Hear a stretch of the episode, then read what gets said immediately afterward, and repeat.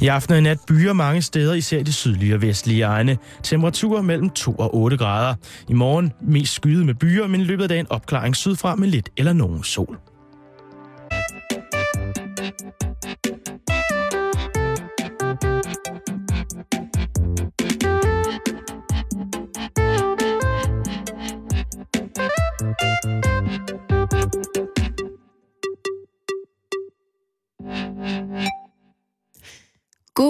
Eftermiddag og rigtig hjertelig varmt velkommen her til Halløj i betalingsringen. Du lytter til Radio 24 og klokken er blevet 5 minutter over 5.0 dut. Og glædelig mandag. Også det. Starten på en ny uge. Ja. En uge, som jo øh, i den grad, Karen, Ja. kommer til at have en optik rettet imod USA og den forestående naturkatastrofe. Og det kan være, det betyder to ting. Det kan jo være valget, og det kan selvfølgelig også være den forestående naturkatastrofe. Ja, nu må vi se. Ja, jeg altså, har... hvis, hvis Sandy, som stormen jo hedder, ikke kommer, Ja. så er det seriøst det vildeste mediestunt ever. Jeg har to venner, som, er- eller et, et vennepar og deres barn, som er blevet evakueret i, øh, fra deres bo, bopæl i New York. Ja. Og øh, de tager det med sind tro. Men de siger også deroverfra, at det er lidt som om, at, at amerikanerne godt kan lide den der. Altså ja, det er svært for mig at forestille, men at man, de godt kan lide det der action og evakuering. Altså, men- og, Simon, prøv at tænke på, hvor mange øh, af sådan nogle naturkatastrofefilm, der er lavet om lige præcis New York. Altså, det er jo som om, man allerede nu ved, hvordan det kommer til at jamen, foregå. det er rigtigt, det er rigtigt, det er rigtigt. Først fryser alt til is. Ja. Og så kommer, kommer der, flodbølgen. Og så kommer der en kæmpe stor øjle. Ja. Så kom, og øh, Og så er der en tornado. Og en skypumpe. Og en... Øh, mm, ja, der, s- øh, så regner det med frøer. der kan... er det en af de der syv varsler? Eller varsler, der er fra, øh, fra øh, den store bog, Sikkert. om at øh, der vil komme forbandelsen i Og så begynder alle dyr at finde sammen i par. at gå mod en stor båd, Ja. som står i Vejle. Er det noget med, er de det ikke noget med, der er sådan, efterlade er, er i der ikke noget med sådan noget, der er nogle, nogle, nogle, nogle de syv land, de syv plager, eller sådan noget? Jo. Og så kommer der græshopper og knallertbander og alt muligt Jeg, blæsende. jeg kan faktisk ikke rigtig huske, Nej. hvad det er. Men det er rigtigt nok, der er sådan noget. Men, men det, jeg ville frem til, det var, at det kommer mm. vores program nok ikke til at handle så meget om den her uge. Nej. Nej. Ikke fordi det ikke rører os, men øh, der sker, Karen, så meget andet rundt omkring os, som er virkelig, virkelig, virkelig vigtigt. Vi kan jo ikke alle sammen lave radio om det samme. Så har vi fire mandlige TV2-værter, Ja. der alle sammen smider skjorten og står i bare overkrop. Det er forhåbentlig løgn. Det er rigtigt. Jeg siger dig, Morten Resen, Johannes Langkilde, Hans Pilgaard og Morten Ankerdal. De smider simpelthen blæser, skjorte, slips og står der. Og hvad var det for en... Altså, fordi det har jo sikkert været en ting i, der hed, at hvis I giver, hvor mange penge skal vi have, før at de smider skjorten? Og hvor mange penge var det, der skulle til, før at de fire højt profilerede TV2-værter vælger at stå i bar torso? Hvor mange penge havde... Jeg tror, det var sådan noget med en million eller sådan noget. Og så vil de gøre det. Og de gjorde det, Simon. Det er sgu dejligt. Men der, der er noget, jeg ikke forstår. Så kommer de også ind i luderkategorien jo.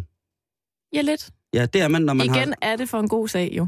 Det er for en god sag, og, og jeg skal ikke undsige mig at i lud at være, selv at være i luderkategorien. Slet ikke, men det er bare...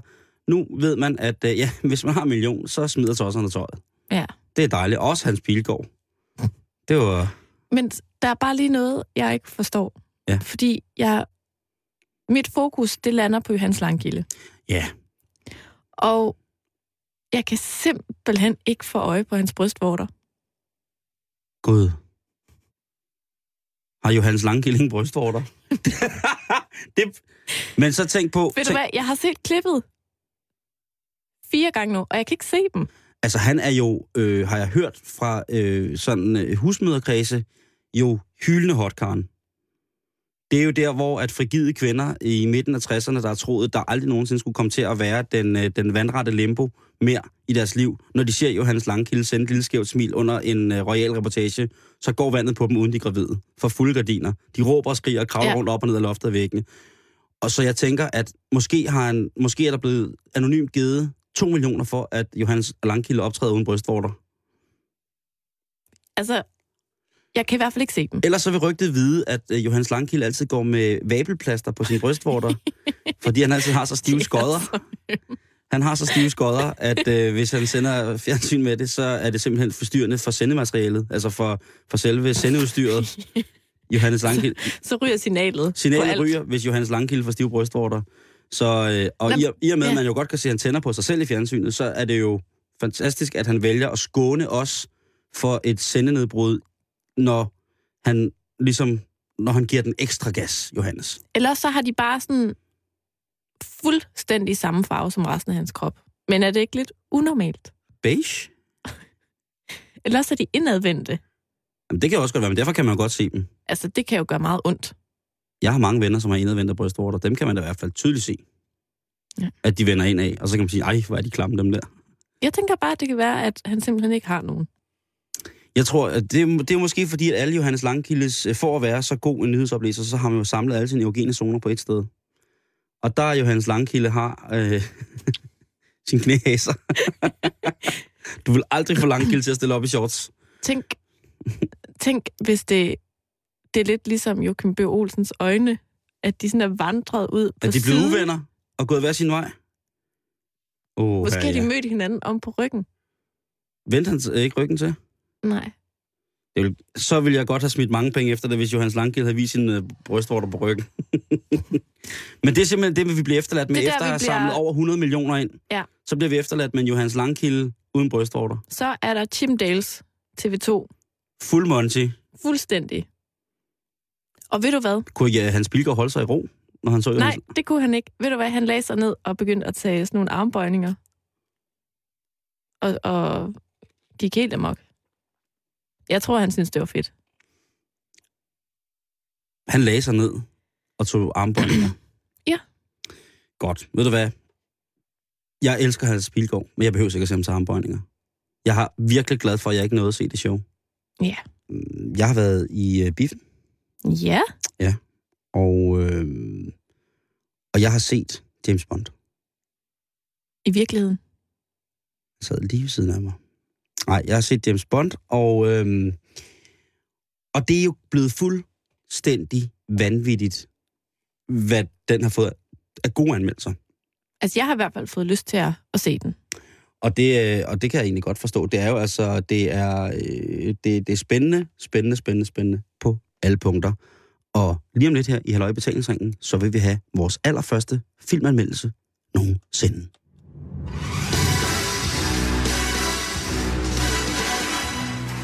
Seven reporting for duty. Where the hell have you been? Enjoying death. I only have one question. Why not stay dead? There's no shame in saying you've lost a step. I'm your new quartermaster. You must be joking. Author PPKS 9mm short. It's been coded to your palm print, so only you can fire it. Less of a random killing machine, more of a personal statement. Q. How much do you know about Not like here. Just look at you, chasing spies. England,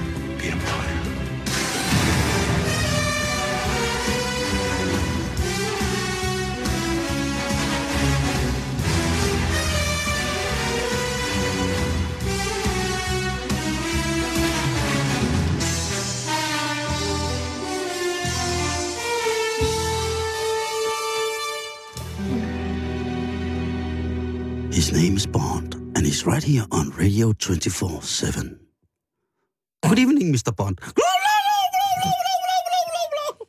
Jeg har været inde og se den, og jeg vil nu for jer, kære lytter, øh, give en anmeldelse. Vi skal lige huske på, at det her det er en film, som har slået alle Bond-rekorder. Over 210.000 mennesker var inde og se Bond på den første dag i Danmark. What? Yes. Og altså, øh, alle har givet den blændende anmeldelser. Altså Ekstrabladet, der har den fået fire hagekors, eller hvad det de får den der vis, og øh, BT, øh, 12 stylter, og jamen, de, har, de har blæst afsted. Øh, øh, Samvirke har givet den, en, øh, hvad hedder det, ni elbiler, og jamen, der har været, Karen, der har været øh, et moras af lykke omkring det her. Og i politikken, der Mhm. får den altså 5 ud af 6 hjerter af Kim Skotte. En anmelder, som jeg sjældent oh. er uenig med i film. Øh, Mhm. Hvor jeg tænker, jeg, jeg, jeg, kan, jeg kan godt på hans grundlag, øh, på grund af ham, gå ind og se en film, hvis, jeg, hvis han har skrevet noget godt om. Så jeg kan godt lige, du ved. Men den her gang, der var jeg altså rygende uenig. Så jeg vil godt have lov til at starte med at læse den her, øh, den her anmeldelse. Som Skal jeg, jeg, øh, skal jeg lige sætte mig godt til rette? jeg synes, du kan sætte dig godt til rette, eventuelt, okay. øh, hvis du har øh, nogle af dine sundhedsmandler med, som du spiser hele tiden, så kan du jo... Det har jeg ikke. Nej, det har du ikke. Okay. Jeg lukker kom- bare øjnene. kommer anmeldelsen her. Verden er underdrejet en ondskab, sjældent set lige. Introen til filmen er i samme grad som to foregående Daniel Craig Bonds ganske spektakulær. På et belgisk James Bond-forum raser Tintin-fans over, at kulissen og setupet i starten er tyvstjålet fra den just nylig animerede Steven Spielberg Tintin-film. Men selv efter min mening, som selv efter min mening har tyvstjålet deres Tintin-jagt fra Indiana Jones. I hvert fald får den på alle tangenter. Det er action i en grad, hvor computergrafik og virkelighed får alt til at eksplodere ind i en. Man får ganske enkelt lyst til at råbe. Pas på, James! Uden at afsløre hele plottet, ja, så kan jeg trygt fortælle jer, at der igen er voldsomme gripfejl i close-ups på de motorcykler, der bliver kørt på i specielt introsekvensen. Så det vil i realiteten sige, at jeg allerede cirka fire minutter inde i filmen koncentrerer mig om noget andet, end at danne mig et billede af den etablering, der tydeligvis er ved at udspille sig foran mine øjne. Og så starter filmen. Og der sad jeg helt stille. Den engelske sangerinde Adele's Skyfall kører for fuld udblæsning til en af de absolut smukkeste præstationsrunder af filmens mange fædre og mødre. Altså den her sekvens af filmen, hvor at der kører rulletekster med de forskellige og respektive hovedrolle- og birolleindehaver, plus hvem der har produceret og så fremdeles. Intro-sekvensen, den der, der altid er med damer, hitter ubetinget. Det er noget af det flotteste, jeg har set rigtig, rigtig længe fra Bond-laboratoriet. Rundstykke. Som et psykedelisk lysbilledeshow til stæbeulvene arbejder mønstre, fysiske konjunkturbegreber i mere eller mindre mulige og umulige fremstillinger. Tempoet er langsomt, og nogle reelle dynamiske rutsjeture får vi faktisk ikke.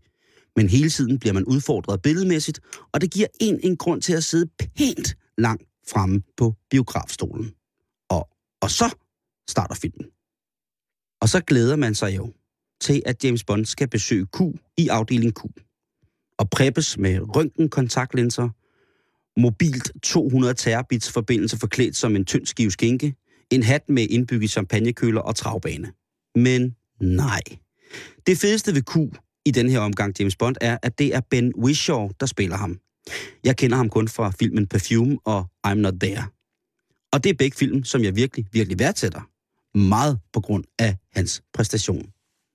Men James Bond får ikke noget liret gear. Han får en gøb og en GPS.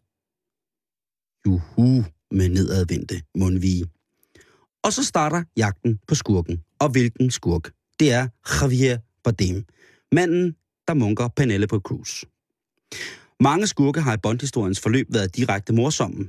Måske ikke fordi de gerne ville det, eller det har nok slet ikke været, fordi de ville det, men det har bare været så karikeret, at det har været morsomt. Men selv vores egen Mads Mikkelsen må denne gang i min optik se sig slået med utrolig mange kilometer. Javier Bardem bærer på mange måder hans karakter virkelig, virkelig, virkelig flot. Og der er virkelig mange sjove ting, som rent faktisk er lavet for at være sjove, og er det. Plottet i filmen er simpelt, hvilket i og for sig er godt. Det er vel nærmest et must for Bonds. Balancen imellem action og drama skal ligesom være der. Mest action, en lille smule drama. Lidt kærlighed, og det er der vel også plads til. Udover selvfølgelig øh, Javier Bardem, vil jeg også gerne have lov til at fremhæve en 77-årig Judy Dench, der på alle måder klæder øh, rollen som M fantastisk. Hun er rigtig, rigtig god. Det er bare et problem, når det er Daniel Craig, der har hovedrollen, at hans birolleindehaver overspiller ham med flere længder. Det føles som om, at der er alt for mange historiske bondtraditioner og historier, der skal forklares, behandles, hvorefter de så skal afvikles, og nye løse ender til de fortkommende James Bond-film kan opstå. Vi skal blive sultne efter den nye Bond allerede i rulleteksterne. Sådan har det været, og sådan, har, sådan er det, og sådan har det altid været i James Bond. Men helt ærligt, lige nu, der vil jeg egentlig bare gerne slå mave og vente lidt. Jeg behøver ikke, hvis det skal være så overdådigt på mange urealistiske måder.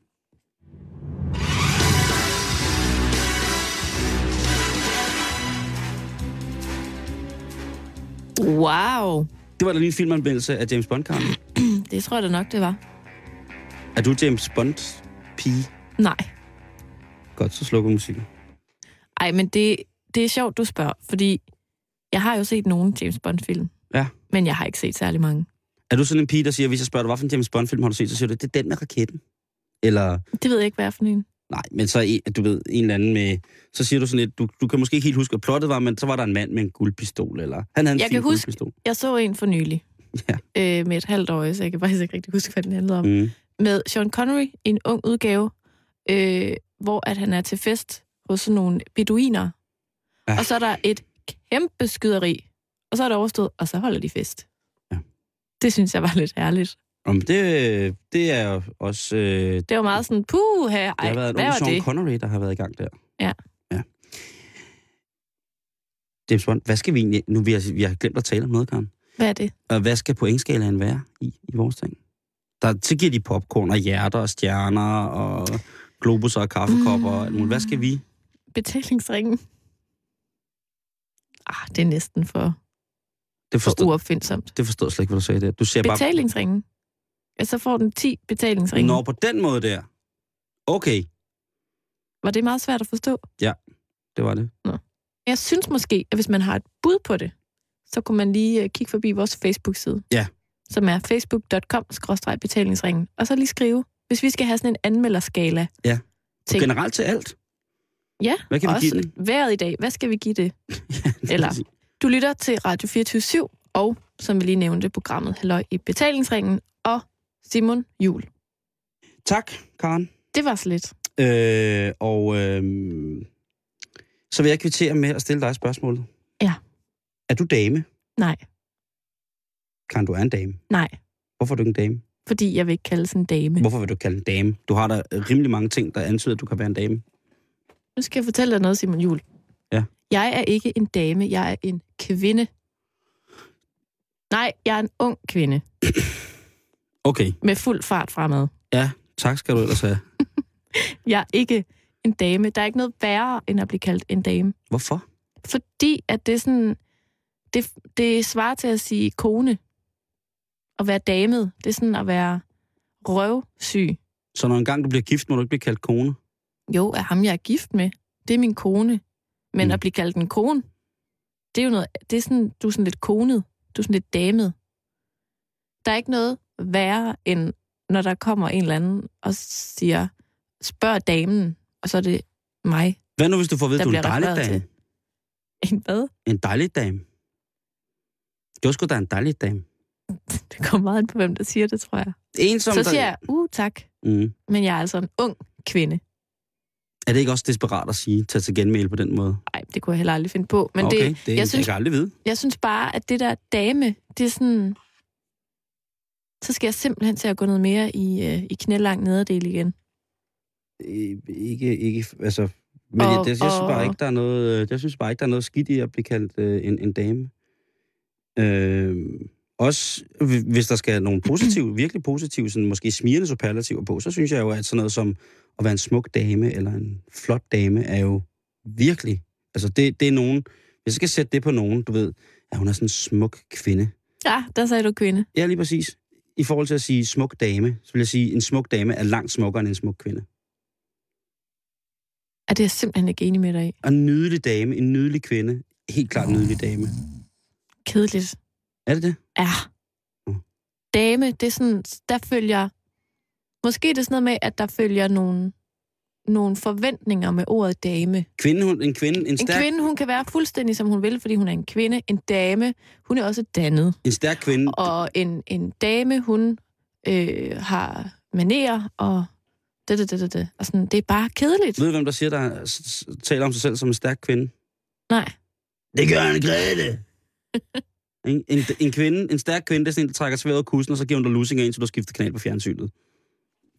Skifter! Ja, det har du nok ret i. Det vil en flot dame aldrig gøre. Nej, lige præcis. Kedeligt. Så du, du, du, du er en flot kvinde. Men jeg skal fortælle dig, og jeg kan teste, om du er kvinde eller dame, fordi at jeg har læst alt for damerne i dag. Er det det, du har lavet? Ja, jeg har lavet mange ting i dag. Og der vil jeg bare gerne lige sige, at der finder jeg... Øh, vi skal snakke om alt for damerne lige om lidt. Men til at Ja. starte med, så skal jeg lige tjekke, at du er en rigtig dame eller en kvinde. Okay. Og det er fordi, at de har en, øh, hvad hedder det, en test, der hedder 10, 10 must-haves til vinter, skråstreg efterår 2012. Skråstreg 13. Og det der er i alt for damerne. Så hvis du har noget af det her, så er du en dame. Shit. Har du en silkeskjorte? Stribet, prikket eller ensfarvet, uanset hvilken farve du vælger, er den klassiske silkeskjorte hit den sæson og holder, som altid, hvad den lover, nemlig at give dit look et eksklusivt strejf. Har du silkeskjort? Nej. Læderbukserne. Nej. Jeg har sådan nogle, der ligner læder. Læderbukser er altid moderne, og selvom de nu kun fås i løsere versioner, kommer du længst med et par stramme. De kan nemlig bruges til alt fra skovmandsskjort til store striktrøjer og fine bluser. Jeg har et par meget stramme, sorte, sådan læder-look buks. Det er en halv, du får der. Okay. Og så kommer der et ord, jeg ikke kan udtale her, som jeg sidder og øver mig på, men jeg skulle sige det ind i hovedet, fordi du sidder lige over for mig på redaktionen. Peplumtoppen.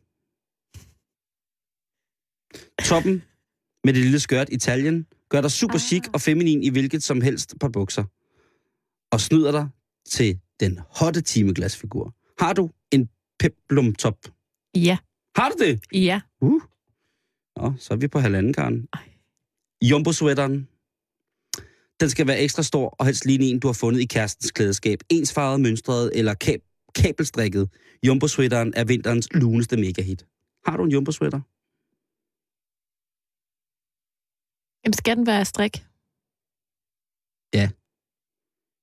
Ensfarvet, mønstret eller kabelstrikket? Jamen, det har jeg. Kæft, Karen. Nu kommer den. Maxi-frakken. Jeg har faktisk en på i dag. Som snydt ud af 80'erne er den store bløde frakke tilbage som det maskuline og feminine bud på årets varmeste vinterinvestering. Den har du. Den købte jeg jo i uh, Tjernobyl genbrug i Tisted i sommer, da Ja. vi var oppe i, uh, i Nordjylland. Mini-nederdelen. Har du gode ben, er det et must at investere i sæsonens mini-nederdel med et snært af strutskørt og naturligvis et par lækre strømpebukser. Det har jeg ikke. Det har jeg. Hverken gode ben eller miniskørt. Jeg har det hele. Herreblæseren. Ligesom frakken og sweateren er blæseren også vokset i størrelse den sæson. Oversize er i det hele taget en hot tendens lige nu. Har du en lidt for stor herreblæser? Nej. Blondetoppen.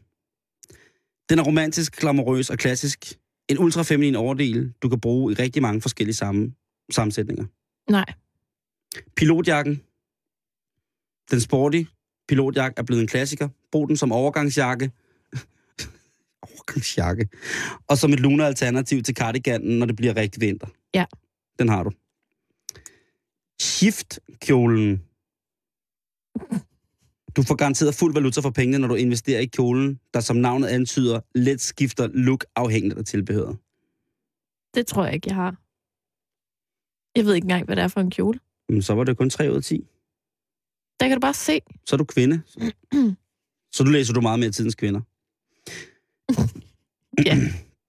Jeg vil bare sige. Ja. Altså, godt så er du kvinde. Fint. Ung kvinde. Du, du er kvinde. Eller jeg ved ikke, er man ung, når man er 26? Nej, du er... Så er det Tusind ved, gammel kvinde. Nej, så er det ved, øh, ligesom Natasha Krone. Småpatineret. På vej mod noget skønt. Kvinde. Hun, hun ældes jo overhovedet ikke. Nej, det gør hun ikke. Det er så mærkeligt. Ja. Hun bliver ved med at ligne en på 26. Men hvis man kigger bag ved hende og løfter hendes bryg, så kan man se, hvor meget hud hun har trukket fra hele tiden foran. Så har hun sådan en lille rulle. Det minder lidt om sådan noget fattig pizza der. Så er Natasha Krone der. Det er blad. Jeg blev simpelthen jeg blev i dårlig humør. Jeg er jo også selv tyk, men øh, du ved, ikke så tyk, så jeg lige er, er, er dør i morgen eller sådan noget. Mm-mm. Øh, jeg, jeg syner vel hen i løbet af torsdag eller onsdag.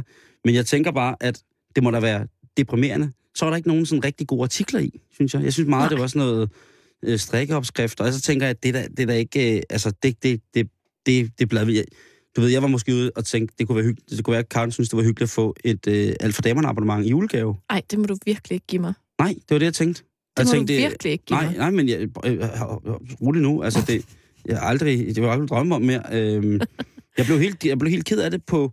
Det er jo sjældent, jeg bliver ked af det på pigers vegne. Jeg kan jo godt lide at se, at jeg er lidt ked af det. Men, men jeg blev... Øh, Du fastholder os i sådan en dejlig, depressiv boble. det er det, som jeg kan, Karen. Ja, Jeg og du er jo god ikke, til det. Ja, jeg kan jo ikke være rar på nogen måde. Jeg kan jo, det eneste, jeg kan, det er ligesom at lave lidt sådan et fængsel rundt om jer, og så bare Ja. gå. Og det er jo sådan, jeg har det bedst med jer. Øhm, ej, det er altså ikke rigtigt. Nej, det passer ikke. Men jeg synes bare, jeg synes bare, da jeg læste det, der tænkte jeg bare, det må da være sindssygt. Og så tænker jeg lidt, hvad fanden skulle jeg så give for et blad til Karen? Jeg tænker, det er sådan godt, det er en god julegave, ikke? Ja, det er en rigtig hyggelig julegave. Med, med abonnementer til noget, som er fedt. Og så tænkte jeg, skulle jeg give dig et øh, Tidens Kvinder abonnement? Og sådan, Ej, det, der står overhovedet heller ikke noget i. Mm-mm. Øh, du er faktisk den på redaktionen, som er bedst til at læse de lange artikler i Euroman. Mm. Øh, og de skriver mange gode artikler. Ja, det synes jeg også. Så jeg tænker bare på, at du skulle have et blad, som var en blanding mellem ude og hjemme. Opskrifter, oppyntningsteknikker. Ja, det kan jeg godt se, der er sådan lidt kræa. Mm, Det er og nogle gode opskrifter, ja. og her finder du mos. Nissehæftet Lige 2012, præcis. og Her er der mos. Her er der, filt, og det tænker Ja. jeg. Men det skal ikke kun være det. Så tænker jeg samvirke. Ja. Lidt af det i os. Lidt ja. samvirke i. lidt, lidt ansvar, Lige præcis. lidt moral måske også. I den grad, må man nok sige med samvirke, ikke? Oh. Og så Euroman. Ja. Fordi der er artikler, der er lange gode artikler i. Ja, og de har også lidt humor, synes jeg. Hvis du slår op i Euroman, så har de altid det der barometer med øh, lavkultur og højkultur og halløje. Mm. Og det er ikke altid, jeg er enig, men jeg kan godt lide, at de har det. Det giver dem lidt kant, at de har lidt en holdning til, Og til du ting. har jo ikke? slæbt mig igennem her i de sidste par måneder, Damebladet. Jeg har været igennem hele to, ikke? Oh. Altså, egen fri vilje. Jeg har set Tidens Kvinder øh, til stor morskab for mig, Mm. og så har jeg set alt for damerne til stor sorg. Ja. Fordi jeg tænker, der må virkelig være... Og det er måske også det, at vi skal lægge i de der damerne. Ja. Du er ikke en dame, for du er ikke sørgelig. Og det er jeg glad for, at du synes. Så jeg vil bare sige, at jeg lover aldrig mere at læse højt for alt for damerne. Kun hvis der er et, et godt bud på nogle gode julekager, eller et eller andet. Jamen, det kan vi finde på nettet, Karen.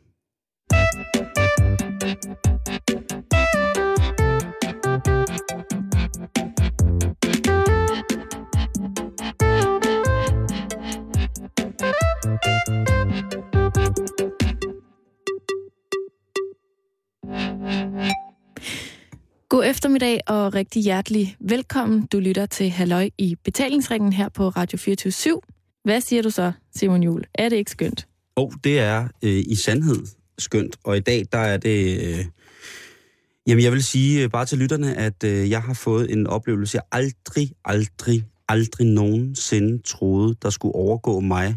Øh, og det, det her scenarie har altså udspillet sig for mindre end et kvarter siden. Ja, det er... Øh, kan vi godt afsløre, afsløre allerede nu?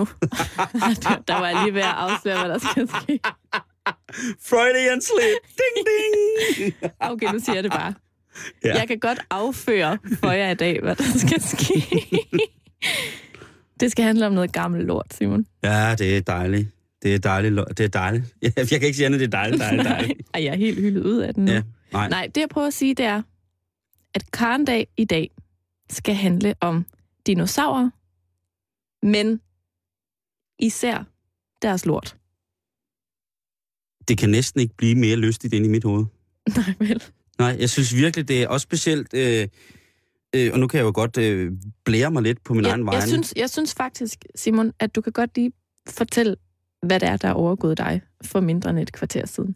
Jo, men det er jo, øh, at øh, op på redaktionen, kontoret, jamen, der ankom, da din gæst ankommet, jeg sidder over nogle ting, som jeg plejer, og så sidder du og ligesom og briefer gæsten og snakker mm. Mhm. om, hvad vi skal snakke om. Og Mhm. mm. der øh, ser jeg så, der ligger sten på... Øh, på, hvad hedder det, eller din gæst, han trækker en konvolut frem, og så, siger han, øh, og så snakker han om, og så tager han nogle sten ud, umiddelbart bare sten på bordet. Og der ud af min hovedtelefon, der hører jeg, og den her lort, den er 210 millioner år gammel. Og der ved du godt, Karen, der ved du godt, så kan du fange min opmærksomhed. Der vågnede du fra en dyb, så, dyb søvn. så snart der på en eller anden måde gelinde bliver brugt en eller anden term, som kan henlede min opmærksomhed på noget ganske fakalt, jamen så står jeg jo som en hund omkring et, øh, et fad tartar. Så øh, lystigt ruller jeg hen på min kontorstol og, be, øh, og begynder at se det her, og det er virkelig, virkelig, virkelig... Altså, jeg har kælet og, og holdt den her gamle, gamle lort imellem mine hænder, og, og jamen, det er følt historiens vingeshus, og jeg kan næsten ikke...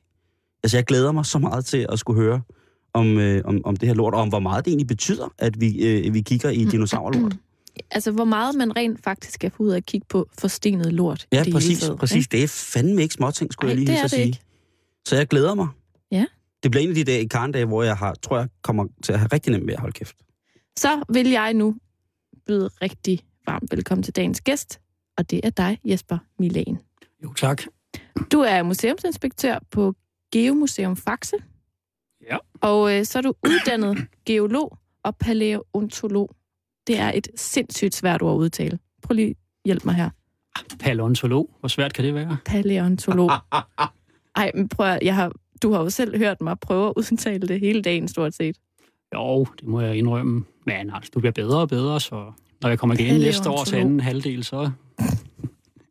Men du er i hvert fald uddannet fra Københavns Universitet, og så har du så jamen altså, i rigtig, rigtig mange år beskæftiget dig med dinosaurernes spor her på jordkloden, og så også deres afføring, ikke mindst.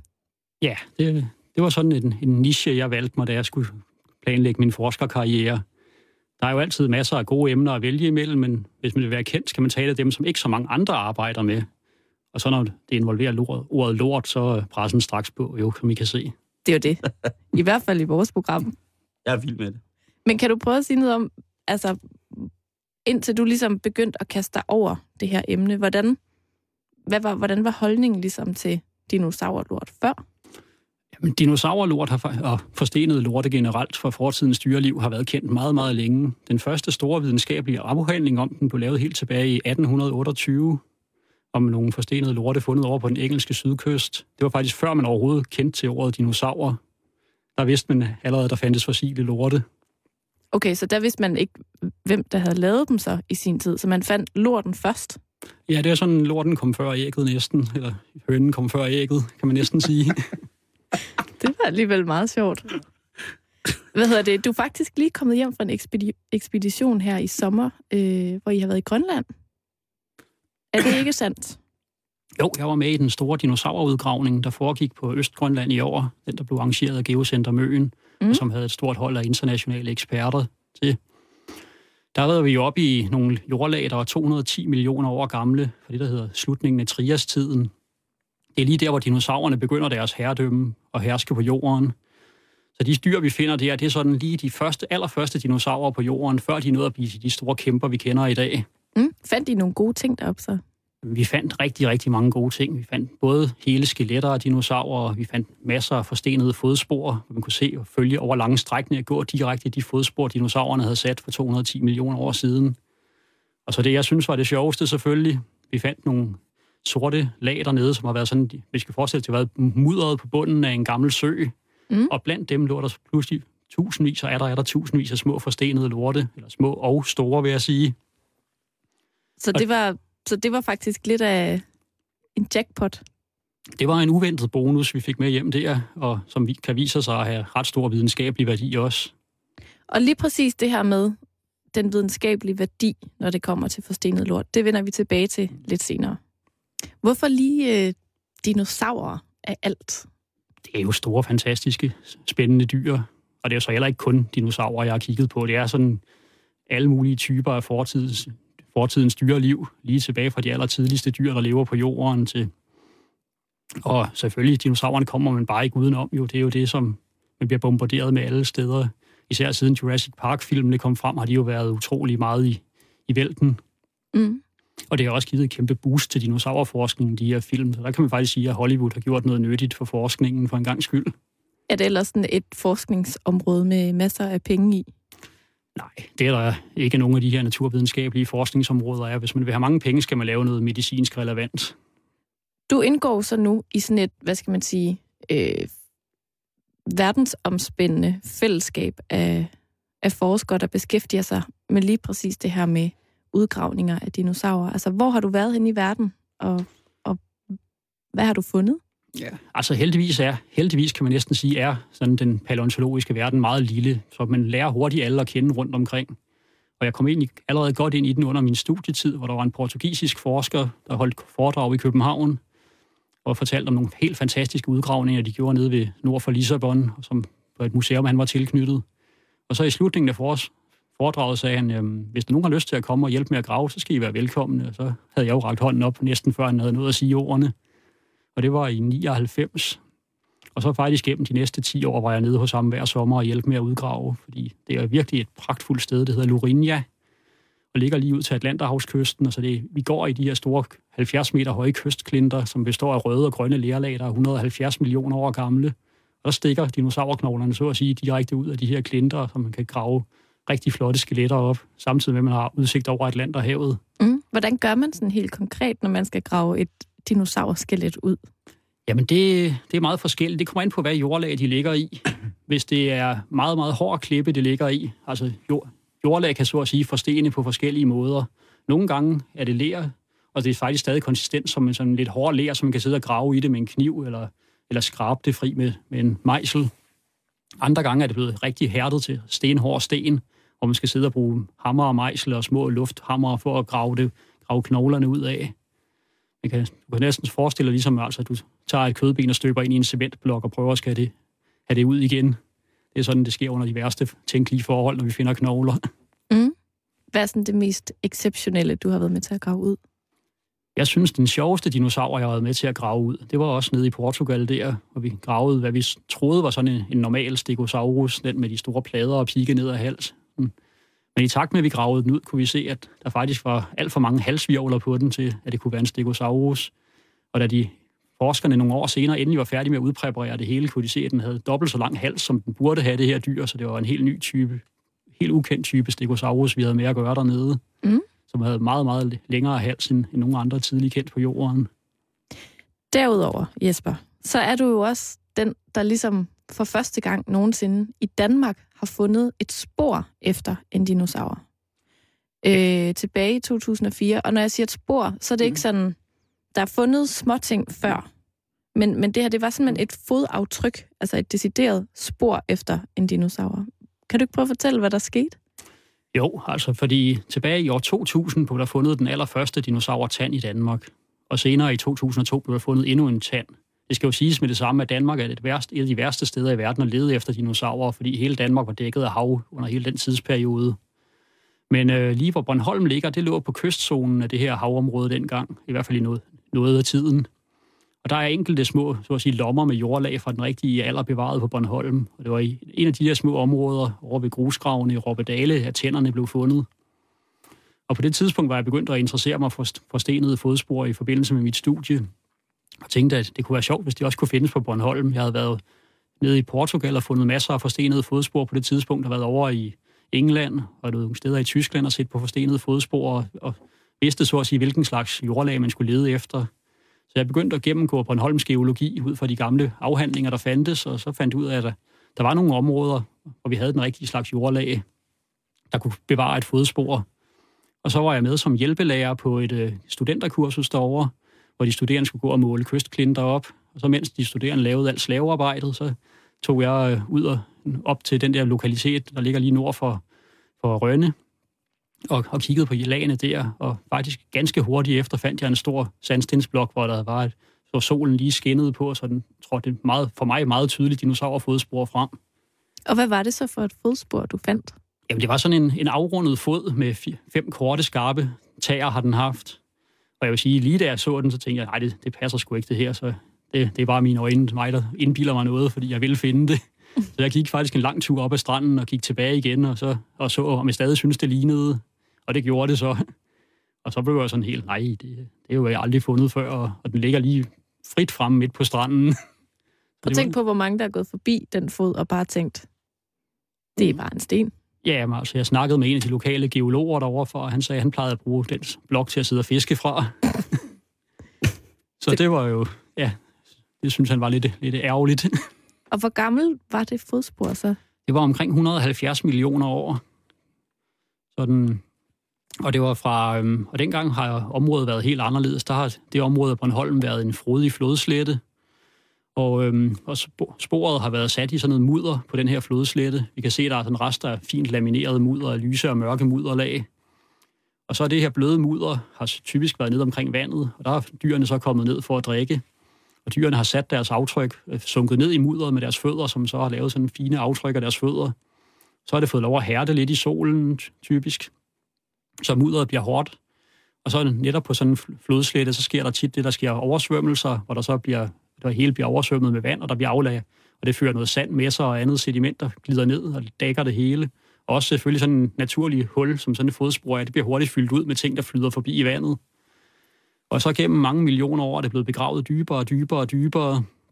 Og til sidst så øhm, er det blevet omdannet til sten, så vi har det mudder, som dyrene oprindeligt gik i, det er blevet til sådan noget halvhårdt ler, og så er sandet, der er fyldt ned og dækket, det er blevet til hård sandsten. Og faktisk var det område nu en øh, lærgrav, hvor man havde brudt ler til, øhm, til en klinkefabrik, der lå i nærheden. Og de var kun ude efter leret, så hver gang de kom til et af sandstenslagene, blev det bare brudt op og smidt ud på stranden foran lærgraven og som affaldsprodukt. Så vi fandt faktisk, i de her bunker, fandt vi flere andre fodspor også af deres affaldsprodukter. Mm. Og de er, så det er sådan en naturligt dannet afstøbning af fodsporet, vi ser. Det oprindelige fodspor er væk, men det her sand, der er fyldt ned og udfyldt, det er blevet bevaret som sandsten. Det er lidt samme princip, som hvis man laver en gipsafstøbning af dyrespor i skoven i dag. Bare en naturlig proces. Jeg vil bare spørge Jesper, og, og hvorfor forsvinder de? Det må jeg også hellere komme ind på, ja. Jeg tænker, det der Ja. bare... Ja, så Ja, ja, lige ja. over de her par år der, der dør, der, så, øh, der dør vi alle sammen, og så er der kun dværge og nisser tilbage. Og Så jeg fodspor. Tænker, og fodspor ja. og lorte, så jeg Mm. tænker, måske kunne det være meget rart at vide, ja. hvad, hvad går der galt der? Hvad sker der? Ja, altså man kalder det for i fagtermen perm-trias-grænsen, for grænsen mellem de to tidsalder, perm-tiden og trias-tiden. Og det man kan se er, at over ved Sibirien har der været en helt enorm vulkansk aktivitet. Man regner med, at det er 100 millioner kubikkilometer lava, der er blevet spydet ud inden for et ganske kort tidsrum. Og det har selvfølgelig givet en helt enorm forurening af atmosfæren. Så vi kan se fra målinger, at der har været store udsving i temperaturen, havniveauet er ændret sig, og der har simpelthen været rigtig, rigtig sure livsbetingelser på jorden. Og så, at de, jo, så begynder dyrene at dø ud i takt med det. Fordi altså mange dyr, de er utroligt tilpasset til det klima, de lever i, og kan ikke omstille sig særlig godt. Så i takt med, at nogle dyr uddør, så er der andre dyr, der er afhængige af dem, der dør med, og så pludselig er det sådan en lavine, der løber, og, og der er faktisk og rigtig, rigtig mange ryger med i svinget, og til sidst er der kun så de, de seje overlevere tilbage, de 5 procent, der klarede det. Lortedag, ikke? Oh. Ja, men ikke for dem, der klarede det, vores Nej, nej, nej, nej. Det, ja. Dem skal vi dog være glade for, men alligevel, Ja. nå, nu sprang den i luften Ja. over Sibirien, så tak Så- for. Altså. Ja. Og øhm, ud fra den, en af de grupper, der overlevede den, det var nogen, der hed øhm, Arcosaurer, som var en, øh, en reptilgruppe, avanceret reptilgruppe, som hvor blandt andet øh, krokodiller og fugle i dag er efterkommere af. Og de begyndte at dominere landjorden, fordi nu var der jo masser af ledige pladser, så at sige, på jorden. Masser af dyr var forsvundet, så er der pladser til, andre kan overtage dem, og de kan udbrede sig og udforske nye nicher. Og de begynder at udbrede sig over hele jorden, den her Arcosaurer-gruppe. Der kommer et væld af sådan nogle krokodillelignende dyr, som ikke er krokodiller, men basalt set er sådan krokodillefasonagtige i. Mm. Nogle har meget pansrede, og nogle er lange og slanke, og nogle af dem bliver faktisk meget, meget slanke og begynder at gå på to ben. Og på et tidspunkt deler de sig så ud i nogle forskellige linjer, hvor vi har en gruppe, der bliver til dinosaurgruppen, og en anden gruppe, der bliver til krokodillegruppen. Og så skal vi op til slutningen af triastiden for omkring 210 millioner år siden, hvor der sker en ny masseuddøen.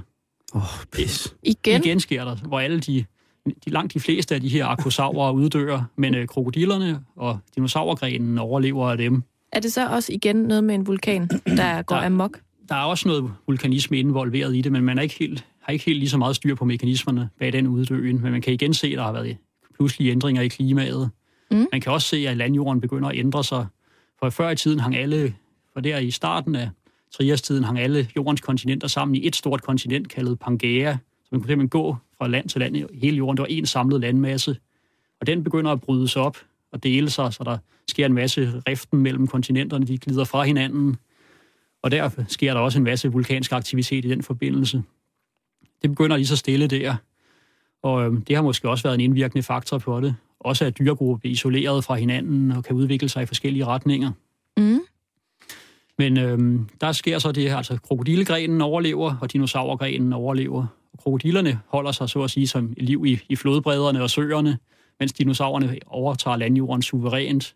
Pattedyrene, som vi tilhører, var også opstået på det tidspunkt, og havde egentlig nået at blive sådan rimelig store, sådan nogle på størrelse med en hund og næsten op på størrelse med en ko.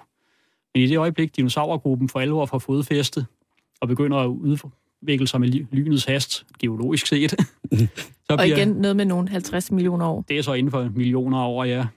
Mm. Der øhm, bliver pattedyrene pludselig totalt undertrykt, og, og de næste 170 millioner år bliver de ikke aldrig større end mus og rotter og lever et undertrykt liv i, i skovbunden. Mens dinosaurerne breder sig ud og bliver til den ene store rovform efter den anden, og små rovdyr, og store planteæder, og nogle af de allerstørste vi over, dyr, vi overhovedet kender nogensinde, med kropslængder på op til 40 meter fra hoved til halespids og 8 meter over skuldrene. Alt, Det- hvad de- der gik på jorden, på landjorden, var en stor dinosaur dengang, stort Altså, set. Jeg kan, jeg kan næsten ikke forstå det inde i mit hoved. Jeg synes, det er så sindssygt. Det er fra den dør der i studiet til den der derovre cirka. Ikke? Ja. Så er den over skuldrene. Det er over skuldrene, ja. Så det var ligesom herskerne her på jorden. De, de beherskede landjorden suverænt de næste, altså over 100 millioner år, ja. Wow.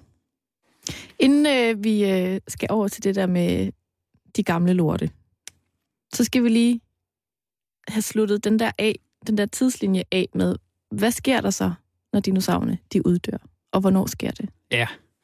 Dinosaurerne, deres, øhm, deres, de begyndte der i triastiden, og så fortsætter de med stor, stor succes op gennem den efterfølgende juretid, og slutter af i, i ved slutningen af kridttiden. Og kridttiden er et af de, det er noget af det, vi kender rigtig godt i Danmark, fordi vi har de store kritteraflejringer i den danske undergrund fra den periode. Det er svært fra havet, så der ikke er nogen dinosaurrester i det.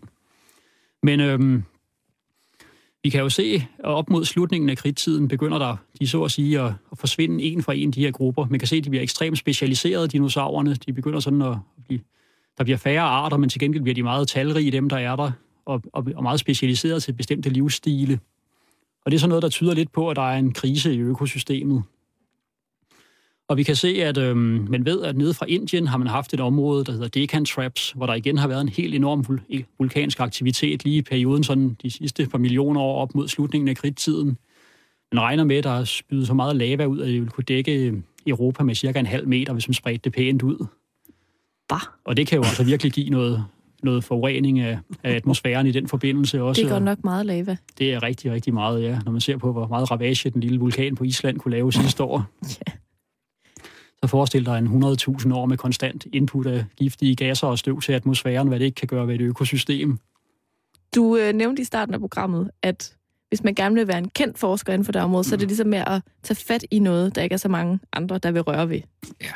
Men her vil jeg så faktisk godt vil røre ved det, for det lugter ikke mere. Det er omdannet til sten. Og det vil jeg gerne øh, sige er fuldstændig sandt, fordi Mm. mm. Simon, vi har jo allerede rørt ved en forstenet dinosaurlort i dag. Og Jesper sidder med dem foran Ja. sig. De er lige herover. Kan du ikke prøve at fortælle, hvad det er for nogle Jo. lorte, du har taget med i dag? Ja.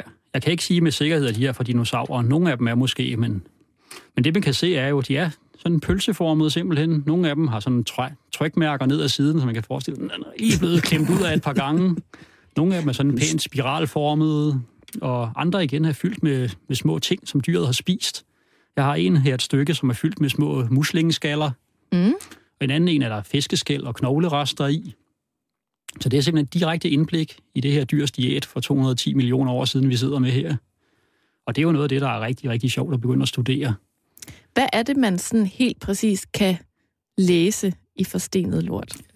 Jamen, du kan jo læse netop dyrets fordøjelseshistorie, og hvordan det har, hvis den er fyldt med planterester, du har med at gøre, så kan du sige noget om, altså, både du kan se det indlysende, det er en planteæder, du har med at gøre, der har lagt den, men du kan også, hvis du opløser den og får trukket forstenet pollen ud af den, kan du sige, hvad, planter, der har levet i området dengang. Det kan være, at der ikke er nogen forsteninger bevaret af planter overhovedet, men hvis du har alt den forstenede pollen liggende inde i lorten, så kan du se, pludselig rekonstruere hele plantesamfundet, der var omkring dyret, eller i hvert fald de dyr, den har, de planter, den har spist. Mm? Simon, du vil spørge om noget?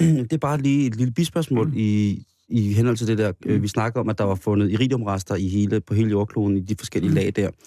Vil det så også være noget, man kunne for eksempel se i, i en lort, hvis det var, at man, man, man fandt en lort, for, for der, var, der var tidstilsvarende det her nedslag, eller den periode, hvor det, øh, økosystemet havde belastet det her nedslag, vil man så kunne sige, når man indholdet af, af iridium i den her, eller et eller andet, der, der, der kunne blive transporteret på den her måde, gør, at vi ved, at Jamen, det, det finder vi i tidstilsvarende lorte over hele verden. Øh, at det kan måske at det kan være med til, at de har spist noget, der var farligt. Det var faktisk en et, idé til et spændende forskningsprojekt, du kom med der. Det er der ikke blevet lavet, så... Den... Men hvis du siger, at man kan, man, man kan spore ja. øh, det her, øh, Mm. den her lidt, lidt, lidt, Ja. lidt sære iridium Ja. øh, i alle lag, endda her i Danmark Mhm. også, øh, så må det lag af støv vel nok også have lagt sig på de ting, som dyrene spiste, og på hinanden jo selvfølgelig. så, Ikke? så ja, altså Og, hvis det og på lorten, der er kommet ud. Ja, Jo, så, selvfølgelig. så øhm, hvis du forestiller sig, at vi har lorten fra et dyr, der har levet lige omkring, Der. lige det der nedslag sker, så vil der måske nok ja, være en forhøjet koncentration af iridium i dens afføring også, ja. Så hvis man finder en, nogle lorte, hvor at øh, iridiumindholdet stiger mm. en lille smule, sådan, ja. sådan sekventielt opad, og så en større samling af ting, der mm. er døde skeletter og Ja. ja. fodspor, og altså så vil man måske kunne sige, okay, her var de måske Ja. lidt hårdere ramt, Ja. på grund af netop det her. ja. Nej, altså iridiumlaget er jo sådan en øjeblikkelig begivenhed. Det er jo sket på en, en onsdag eftermiddag, så at sige. Ja. Ja. Dyr. Den er eksploderet meteoren, og så er det drysset ned over hele jorden i løbet af dagene efter. Så man vil faktisk kunne finde en lort, som var blevet lagt lige da det skete. Den skide i buksen. ja, i, i, den, blev den, skal, så den, skal lige nå, at- den skal lige nå at spise nogle af tingene først. Den skal lige nå at spise Ja. nogle Nej, men jeg tænker også, at den kommer jo ud, og så er der lagt sig sådan et drys af det Nå, der på. Ja, så hvis du finder en lort direkte i, i det lag rundt omkring i verden, så vil der være en mulighed for det. Så fik jeg da sat et forskningsprojekt i... Ja, Tillykke med det. Ja, kan du også skaffe nogle midler til at gennemføre det, så, øh, nej. så skal vi nok opkalde dem efter dig. Men hvis, hvis, ba- men hvis, hvis, hvis, øh, hvis bankerne havde det på samme måde som evolutionen med de der... Man skældner ikke så meget med det der mellem et par millioner år til Nej. og fra. Så, så kunne vi måske godt finde nogle midler til. ja, ja. Altså, jeg vil da gerne opfordre til, hvis der er nogen, der vil sponsorere Simon Jules forskningsprojekt Ja. her, så han kan få opkaldt en forstenet lort efter sig. Det er jo videnskabsmænds ære. Hvis man finder et nyt fossil, der er ikke beskrevet før, så kan man opkalde det efter personer.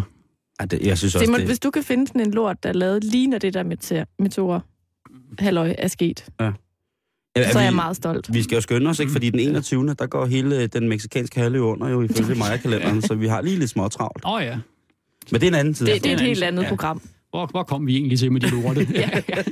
Jamen, Vi kom til at stille et dumt spørgsmål. Ja. som endte med et forskningsprojekt. Ja. Så Der findes ikke nogen dumme spørgsmål. Ved du hvad, Jesper? Jeg kunne godt tænke mig at høre, hvordan øh, analyserer man overhovedet sådan en forstenet lort? Ja. Altså traditionelt set har, har man jo analyseret de her lorte ved, at man har kigget på dem på ydersiden, beskrevet formen på dem, og så set, hvad man kunne se i dem. Så har man kunne skære sektioner gennem dem, og se, om man var heldig at snit igennem, hvad der nu måtte være knoglerester og fiskeskæl og andet, andre ting ind i den. Og så har man kunne opløse dem i syre, så knogle, så forskellige indhold af den blev liggende tilbage bagefter, hvis det vel og mærke ikke var en syre, der angreb de andre ting også. Så det har været sådan nogle destruktive forskningsmetoder, hvor man har kunne se, altså man har ødelagt fossilet ved at, for at skulle undersøge det, og det er jo synd, som nu har en rigtig stor flot en foran sig. Så der har jeg haft en øh, studerende, som har været lavet speciale hos mig, men altså vi kan sagtens finde... Men hvis man nu har hørt dig her, Ja. og synes, at, det er, at du har forklaret fantastisk, som jeg synes, det, Ja. du har, det har været virkelig oplysende, Mm. øhm, at, at man så tænker, at ja, men det kan godt være, at de har en større samling Mm. men det er sjovere og mere informativt for os at høre øh, på det. Fordi det er jo et, et, et emne, hvor man jo også, altså, man, jeg sidder og fniser og har fnist inde i hele programmet. Mm. Og, og jeg stadigvæk, så synes jeg, det er noget af det mest inter- interessante, der er løbet hen altså igennem mit liv, Karen, i meget, meget lang tid. altså, det er virkelig Det er sjovt. jeg simpelthen så glad for at høre, Simon. Jamen, det er, prøv at tænke på, hvad man kan finde ud af i... Har du sådan en, en lort, du virkelig gerne vil finde? Lige her på falderæbet. Jeg kunne selvfølgelig godt tænke mig finde en nede ved Stævns Klint fra et af de store havdyr, der har levet dengang, mosasaurerne, hvor man kan se, det været nogle gigantiske varanlignende havøjler på 15 meters længde, måske. Og de må jo også have spist noget og lavet nogle ordentlige, nogle ordentlige baser med, fyldt med byttedyrsrester i. Mm. Har du sådan nogen idé om, hvordan en af deres øh, lorte ser ud? burde være en 10-20 cm og en 5-6 cm i diameter, og så gerne indeholde store knoglerester. Og ligner den den lort, som Simon sidder med i hånden nu? Det vil jeg tro, ja. Det er nok en god pølseformet en, ja. Jeg håber, du finder den. Jo, tak. Og tusind tak for besøget i dag, Jesper. Det var en fornøjelse at have dig Skulle med i studiet. Skulle det være en anden gang? Det tror jeg helt sikkert. Du må jo love at ringe, hvis du lige pludselig finder noget nyt. I de første, der får besked, så. Det er godt. Tak for besøget. Og øh, Simon? Karen, jeg har haft en næsten ubeskrivelig dejlig øh, time her sammen med dig og Jesper. I lige måde. Altså, jeg, altså jeg, jeg er bare sådan her, jeg får lyst til at tage hjem og se Landet for længe siden. Øh, jamen, jeg Den skal, der tegnefilm fra 88, tror jeg. Eller alle Jurassic Park-filmene. Ja. Og, og så læse nogle bøger om fossiler. altså, jeg har med skam, med skam stemme sige, at jeg har lyst til at se Jurassic Park. Gå hjem og, gør det. Tak. Det var alt fra Halløj betalingsringen i dag. Nu er det tid til et nyhedsoverblik.